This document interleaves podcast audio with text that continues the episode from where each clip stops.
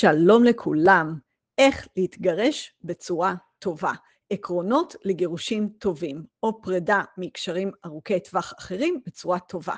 היום נזכור בקצרה 15 עקרונות איך להיפרד טוב. מתגרשים, נפרדים, תנחומיי וגם בשעה טובה. זה לא קל, וזה גם מתחיל תקופה חדשה בחיים, הכל ביחד. אחרי שגדלתי להורים גרושים טוב, במרכאות, וגם לא במרכאות באמת גרושים טוב, וחברים טובים, וחוגגים ביחד גם חגים. כבר יצא לי בעצמי לעבור פרידה כזו, בטוב ובתוצאה טובה של יחסים טובים, ואפילו יצא לי ללוות אנשים בדרך הזו, אז עכשיו אני מביאה לכם את כמה עקרונות שגיבשתי. מספר אחד, לא סיימתם, אלא התחלתם. על זה סבא שלי היה אומר, A good divorce is more important than a good marriage. It lasts longer. כלומר, גירושים טובים הם יותר חשובים מנישואים טובים, כי זה יותר ארוך. אל תחשבו על פרידה, חישבו על השלב הבא ביחסים שלכם. אם יש לכם ילדים, אתם בכל מקרה לא נפרדים. וגם אם לא, פרידה אמיתית, מחיקה מוחלטת של אחד מהחיים של השני, היא אופציה לא ריאלית ולא בהכרח בריאה נפשית. במקרים קיצוניים כן, אבל אני מדברת כאן על מקרים לא קיצוניים. ולכן, עיקרון שני, התחילו לתקשר. אם לא תקשרתם עד היום, תצטרכו להתחיל לתקשר. כל עוד הגדרתם את עצמכם כזוג, וגם אם כבר לא זוג מוצלח, היו לכם נהלי תקשורת מסוימים של כבוד הדדי. אם לא תשקיעו עכשיו בתקשורת שלכם, אתם עלולים להידרדר לכאוס. תסבלו ממה שג'ון גוטמן, המומחה לזוגיות, קורא לו הכרעה שלילית, negative override, מצב שבו הרגשות השליליים מידרדרים ומדרדרים כל ניסיון לתקשורת. אתם עלולים להגיע למצב שבו כל דבר חיובי שאתם אומרים נשמע שלילי, כל מצב שלילי מוסלם, אתם לא רוצים להיות שם. אתם רוצים עכשיו להתחיל לתקשר. דווקא עכשיו, בזמן הפרידה, אפשר לקרוא ספרים על זוגיות, כמו למשל הספר של ג'ון גוטמן, שבעת העקרונות לנישואים מאושרים. דווקא עכשיו, כשהלחץ מהיחסים שלכם ירד ויורד, אפשר לשבת בשקט, להבין מה הלך שם ולשפר את התקשורת. שלוש, עיקרון שלישי, אתם יכולים להיות חברים ואפילו חברים יותר טובים. אני מכירה את זה מהרבה מקרים סביבי. אולי זה ייקח איזה זמן, למשל שנה, זה פרק זמן סביר, אבל תהיה לכם הזדמנות חדשה. בלי השיתוף הכלכלי שיוצר שלל מחלוקות, בלי ציפיות וחיכוכים סביב סקס ונושאים אחרים שרבתם עליהם, יש סיכוי שתוכלו ליהנות זה מזה, עכשיו כשהקשר יורד לאש קטנה. יש סיכוי כזה אם תחפשו את זה, או לפחות תשמרו את זה כאופציה עתידית קרובה. אם לא התחלתם עד עכשיו, עכשיו אתם יכולים להתחיל. אני יכולה לספר לכם שהאקס שלי מוזמן אצלנו לארוחה משפחתית מדי פעם עם המשפחה שלי. לפני כמה ימים חגגנו יום הולדת ביחד. זה לגמרי אפשרי, עבורו, עבורו אצלי עם, ה, עם המשפחה שלי והילדים כמובן. בקיצור, אפשר להיות חברים גם אם ייקח קצת זמן להגיע לזה. עיקרון רביעי הוא לא מתאים לכולם, אבל תשקלו להכין את הגירושים בעצמכם. עד עכשיו ניהלתם את החיים ביחד. למה שעכשיו לא תמשיכו לנהל ביחד? למה שעכשיו תעשו outsourcing, מיקור חוץ, לתת לאדם חיצוני לנהל את איך שהפרידה שלכם נראית? אולי אתם יכולים לעשות את זה ביחד. השאלות האמיתיות סביב הפרידה הן לא שאלות לעורך דין ואפילו לא שאלות של גישור, הן שאלות שלכם. איך אתם רוצים לראות את החיים שלכם מעכשיו? איפה תגורו? מה הסידורים הכספיים שיאפשרו לכם ולילדים לחיות הכי טוב שאפשר? גם אם בסופו של דבר תצטרכו להיעזר באדם חיצוני כדי לנסח את ההסכם, נסו קודם לתקוף את השאלות המרכזיות ולהגיע להסכמות, לפחות מסוימות, בעצמכם. אז למשל, אה, אנחנו עשינו פגישות כאלה מטבח אמ, שש פעמים, עשינו שש פגישות כאלה, שבהן אני ניהלתי את זה סך הכל, הכנתי במסמך גוגל דוק את כל הנקודות שצריך להסכים עליהן, וישבנו ועשינו טבלה על מה אנחנו מסכימים ועל מה עדיין יש מחלוקת ומה כל אחד מציע, ופשוט ניהלנו את זה עד שהגענו לכל ההסכמות. אני אישית כתבתי את ההסכם לבד, הסתכלתי אה, באינטרנט בדוגמאות של חוזים, וראיתי איך החוזה צריך לראות, ועל אילו נקודות צריך לטפל בהן. אני כמובן לא נותנת לכם עצה משפטית שזה מה שמתאים לכם, אבל אני אישית, כשנכנסנו לתהליך הזה, אני לא ידעתי שאפשר לעשות את הדברים האלה לבד. אז תדעו לכם שאפשר לעשות את זה לבד, אין שום חוק שצריכים לקחת עורך דין, אין חוק שצריך לקחת מגשר, החוק היחיד הוא שיהיה לכם הסכם ביניכם. אז uh, פרידה כזו שאתם מנהלים אותה היא גם חינם, וגם תתרגל אתכם בעיקרון הבא, עיקרון חמש. החזיקו אינטרס משותף. כן, אתם נפרדים, וחלק מהאינטרסים שלכם נפרדים. כל אחד בונה חיים נפרדים, אולי זוגיות חדשה, אולי שינויים נוספים בחייכם. אבל הבן אדם השני הוא עדיין אדם חשוב בחייכם, שמרו על זה. המשיכו לראות גם את האינטרס שלו וגם את האינטרס של הקשר שלכם. הקשר שלכם לא נגמר, הוא משתנה. ברוב המקרים, למעט מקרים קיצוניים. בטח אם אתם הורים, הקשר שלכם לא נגמר, אבל כאמור, לא רק. נסו לחשוב על המצב הכלכלי שלכם עדיין כמשותף, גם אם הוא כבר לא משותף. עדיין אכפת לכם גם מהמצב הכלכלי של השני. נסו לחסוך כסף אחד לשני ולהיות הוגנים. שש, עקרון שישי, שקלו את המודל האירופאי. אופציה נפוצה באירופה אצל זוגות נישואים, בעיניי מתאימה גם לזוגות גרושים מסוימים, היא מנהלים חשבון בנק משותף שמיועד לכסות את הוצאות הבית והמשפחה, ושני בני הזוג מפקידים אליו כספ, כספים בצורה מוסכמת, למשל סכומים מסוימים מדי חודש. אופציה אחרת, מכסים את ההוצאות בחשבון הזה, המשותף, ביחס מסוים, למשל 40-60. אחד מבני הזוג מפקיד 60 אחוז ממה שצריך להפקיד כל חודש לפי ההוצאות שהיו, והשני מפקיד 40 אחוז. אפשר לחשב את האחוזים האלה לפי יחס הכנסות, לפי, אה, למשל, מי שמרוויח יותר מכסה יותר, או בכל צורה שהוגנת בעיניכם. אפשר להחליט ביחד ולשים את זה בהסכם, מה יוצא מהחשבון הזה, אבל הגיוני שלכל אחד נשאר כרטיס אשראי מהחשבון הזה, ומשם מכסים תשלומים של חינוך, חוגים, דמי כיס והוצאות מוסכמות מסוימות, בהמשך ילדים גדלים אז נהיה נהיגה, ושיניים, ולימודים, ויכול להיות מאוד טוב שיהיה את החשבון המשותף הזה להתנהל בעזרתו. זה דורש אמון וגם בונה אמון. עיקרון שביעי, מצאו דרכים לעזור. מצאו דרכים בהן אתם יכולים להמשיך לעזור אחד לשני בצורות קטנות וגדולות. שמרו על זה. יכול להיות שאתם כועסים ולא מצליחים לתקשר יותר מדי, אבל עזרה ומעשי אכפתיות הם מעשים שמגשרים על כעסים ובונים בחזרה את האמון. כשאימא שלי קיבלה מחשב חדש מהעבודה, היא שאלה אותי אם אני צריכה את הלפטופ שלה. לא, אמרתי לה, אני לא צריכה. ואז היא נתנה אותו לאקס שלי, שזה מעשה של אכפתיות. וכשהוא הגיע הנה לא מזמן לעזור לבת שלי לסדר משהו בחדר שלה, הוא הבחין שפעמון הכניסה שלי לא עובד. אני ישבתי בחדר ועבדתי, ופתאום שמעתי הרבה צלצולים בפעמון, כי הוא תיקן את זה. אז זאת הדירה שלי, לכאורה, מה אכפת לו אם הפעמון שלי לא עובד? אבל אכפת לו. עיקרון שמיני, המשיכו להעריך ולהוקיר.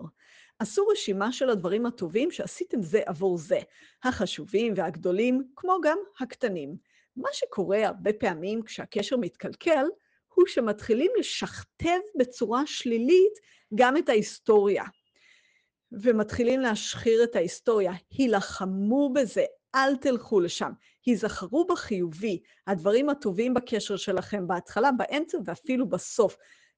המשיכו להעריך ולהוקיר את מה שאהבתם בבן הזוג, ואולי גם משהו מזה נשאר עכשיו.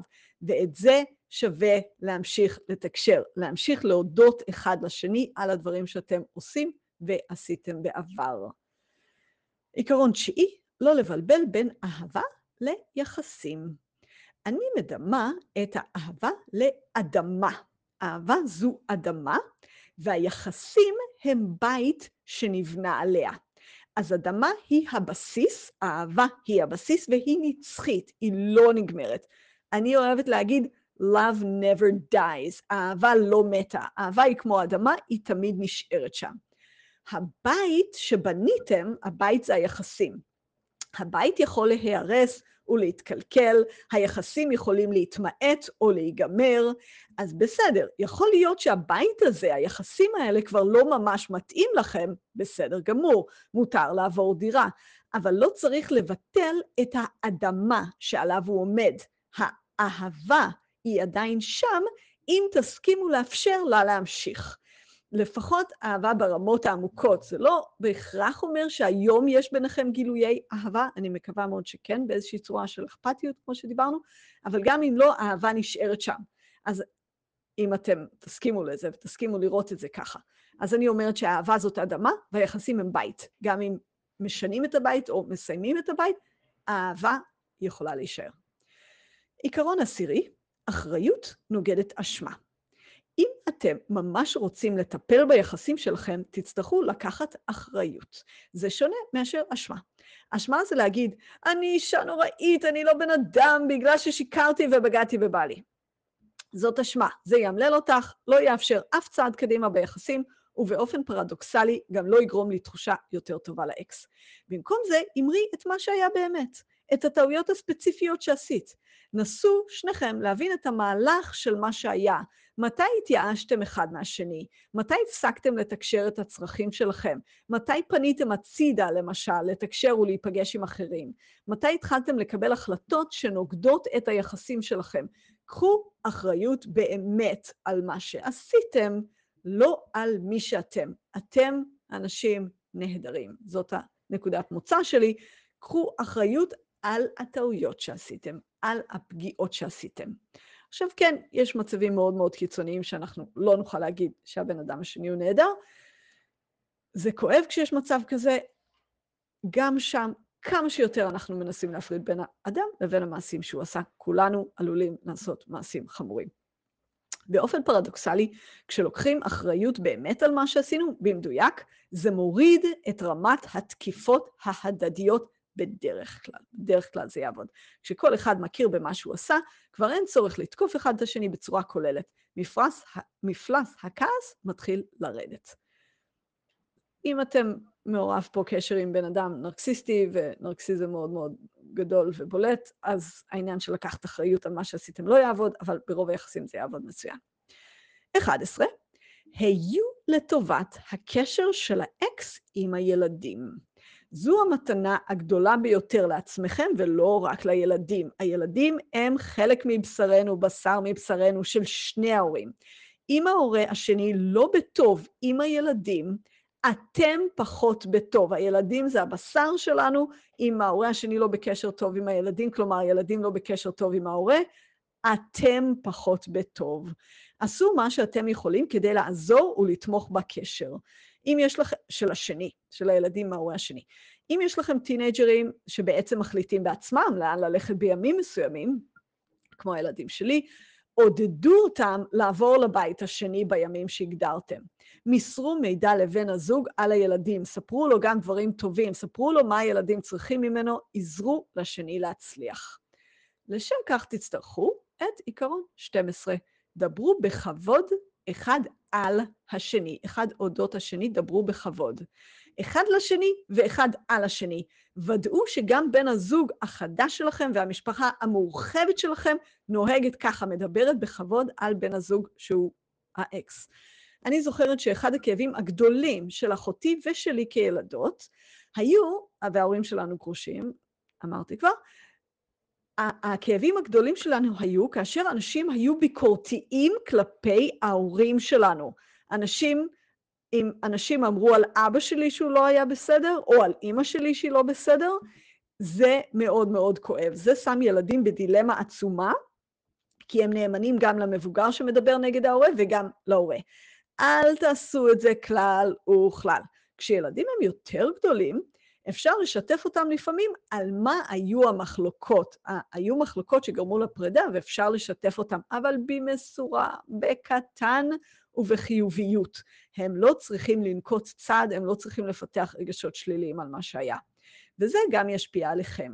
כשאתם מדברים בצורה חיובית, זה שוטף לכם קצת את המוח לכיוון של לדון לכף זכות. אני רוצה להוסיף פה שבתקופה שאנחנו נפרדנו, אני צלצלתי ודיברתי עם בני המשפחה של האקס שלי, שהם הסבים והדודים של הילדים שלי, ואני ביקשתי מהם ודיברתי איתם על זה, הסברתי להם עד כמה חשוב לדבר עליי בצורה חיובית. אם יש להם כעסים מסוימים, שיבואו לדבר איתי, לא על הילדים. הסברתי להם עד כמה זה יפגע בילדים.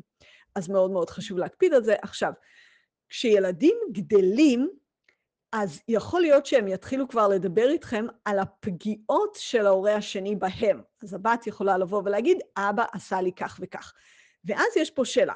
מצד אחד, אנחנו מאוד רוצים לדבר בכבוד על ההורה השני, זה עיקרון להקפיד עליו עד המוות, מצד אחד, ומצד שני, אנחנו לא רוצים להכחיש פגיעות בילד, אנחנו לא רוצים בעצם לעשות gaslighting, gaslighting זה הכחשת עובדות, הכחשת עובדות בצורה פוגעת, וזה בעצם סוג של שקרנות, זה פגיעה בפני עצמה, אז אנחנו לא רוצים להכחיש פגיעות מסוימות ב- בילד שלנו. אז אם הבת באה ואומרת, אבא עשה כך וכך, וזה כואב לי, או זה מפריע לי, אז תגידו משהו כמו, כן, אני שומעת, זה באמת פוגע. אם הילדה אומרת שזה פוגע ואתם חושבים שזה באמת פוגע, אז תגידו את האמת, זה באמת פוגע. ותיתנו חיבוק ותקשיבו, ו, ומתישהו במהלך השיחה, בסוף השיחה או בשיחה אחרת, אתם גם מחפשים, אז איך, אז מה אנחנו נעשה? אתם מחפשים לקחת את זה לכיוון חיובי, אז מה אנחנו נעשה? אבל אתם לא פוסלים את הפגיעה, ועדיין ממשיכים לדבר בצורה חיובית ומכובדת. כלומר, אתם לא מתחילים עכשיו להשתלח בהורה השני, אתם לא מתחילים להגזים ולקרוא לו בשמות, אתם פשוט מאשרים את איך שהילד שלכם רואה את זה ועוזרים לו גם להתמודד עם זה. עיקרון 13, ההבדל בין לסלוח לבין לוותר. הבינו את ההבדל בין לסלוח לבין לוותר. לסלוח, כן, אנחנו רוצים לסלוח. לוותר, לא יותר מדי. אתם לא חייבים לוותר על האינטרסים שלכם ושל הילדים, במיוחד זה יכול לקרות לאישה, יכול לקרות גם לגבר, מתוך רצון שהכל יהיה בסדר, לוותר על הכל. לא, לא צריך לוותר על הכל. אם סגרתם הסכם, האקס שלכם צריך לקיים אותו. אין צורך לוותר על הרכוש שלכם ועל זכויות כספיות. בגדול, בדרך כלל, במצבים מסוימים נכון לוותר על דברים מסוימים, אבל שוב, תבדילו בין לסלוח ולוותר, לסלוח לא אומר לוותר על הכל. אל תיפלו בפח שלפעמים צד מסוים ביחסים, הרבה פעמים זה הגבר, יגיד משהו כמו, אני הרווחתי את הכסף הזה, זה לא נכון. לא סתם החוק קובע שכל הצבירה הכספית היא משותפת. הייתם תא כלכלי אחד עם השקעה שהתבטאה בכל מיני כיוונים, ולא רק בכסף, גם בנושאים אחרים, כמו גידול היחסים, טיפוח היחס, אה, גידול הילדים וטיפוח היחסים. מצד שני, גם אם אתם לא מוותרים, חפשו דרכים לסלוח. לא רק פגעו בכם, גם אתם פגעתם. היו סיבות לדברים. לא צריכים לנפנף בעוולות העבר כל הזמן. אנחנו מחפשים לסלוח. דרשו לעמוד בהסכמים כי כך סיכמתם, ולא בתור עונש על מה שהיה. 14, אנחנו לקראת הסוף, עוד שני עקרונות. תהיו רגישים עם פרטנרים חדשים. אם האקסים שלכם מקנאים קצת בפרטנרים החדשים שלכם, זה סימן יפה סך הכל. עוד אכפת להם מכם. היו עדינים, אל תנפנפו ביחסים החדשים. אולי האקסיט לא בקשר וקשה לה יותר עם הקשר החדש שלכם, לא צריך לדבר על האישה החדשה בלי סוף, וגם הפוך. אם אתם מרגישים שקשה לכם עם הזוגיות של האקס שלכם, אפשר לבקש, לא לדבר על זה יותר מדי, לא חייבים להיפגש. אם זה מתאים לכם להיפגש, זה כנראה נהדר, לא לכולם זה מתאים. ועיקרון 15, מה קורה אם אי אפשר לתקשר? אם אי אפשר לתקשר בכלל עם בן הזוג, החזיקו את העקרונות הללו בלב. אולי בפועל היחסים ביניכם יכילו קרוב לאפס תקשורת, אבל תמצאו איפשהו ב- בלבכם אהבה אל בן הזוג. זה ישפיע עליכם, זה ישפיע על הילדים, ואני מאמינה שבסופו של דבר זה ישפיע גם על בן זוג. אם צריך, תגנו על עצמכם. כן, תגנו על האינטרסים שלכם, אבל גם תחפשו להחזיק איפשהו אהבה לבן הזוג. לא תמיד אפשר ליישם את זה, לפעמים אי אפשר. יש גם מצבים מאוד קיצוניים שבהם היחסים באמת היו כל כך איומים והייתה בהם התעללות ופגיעה, שזה לא נכון ליישם את העקרונות האלה, אבל על זה אנחנו נדבר בהקלטות אחרות. אז שיהיה בטוב, גירושים הם התחלה של תקופה חדשה בחיים, זה בדרך כלל לוקח שנה, שנה, שנתיים להתמודד עם זה, טכנית וכלכלית ורגשית, ולעזור אחד לשני להתמודד עם הפרידה הזאת, ולעזור לילדים, ואולי לעזור למשפחה גם להתמודד עם זה, אבל סך הכל אתם תצאו מזה במקום מצוין. אז נסרוק עוד פעם בקצרה את העקרונות. לא סיימתם, התחלתם, התחילו לתקשר. אתם יכולים להיות חברים, הכינו את הגירושים בעצמכם אם אפשר, החזיקו אינטרס משותף, שקלו את המודל האירופאי של חשבון משותף לצרכי המשפחה והילדים, מצאו דרכים לעזור אחד לשני, המשיכו להעריך ולהוקיר אחד את השני, לא לבלבל בין אהבה ויחסים, אהבה זה אדמה, יחסים זה בית, אהבה יכולה להיות נצחית, יחסים יכולים לשנות צורה. אחריות נוגדת אשמה, כלומר, קחו אחריות, זה יעזור לכם עם האשמה שלכם. היו לטובת הקשר של האקס עם הילדים, דברו בכבוד אחד לשני ואחד על השני. הבדילו בין לסלוח ללוותר, לסלוח אנחנו שואפים לוותר לא בהכרח ובטח לא על הכל, תהיו רגישים עם פרטנרים חדשים, ואם אי אפשר לתקשר, אז תשמרו את העקרונות האלה בלב. זה ממני להיום, סלי תדמור.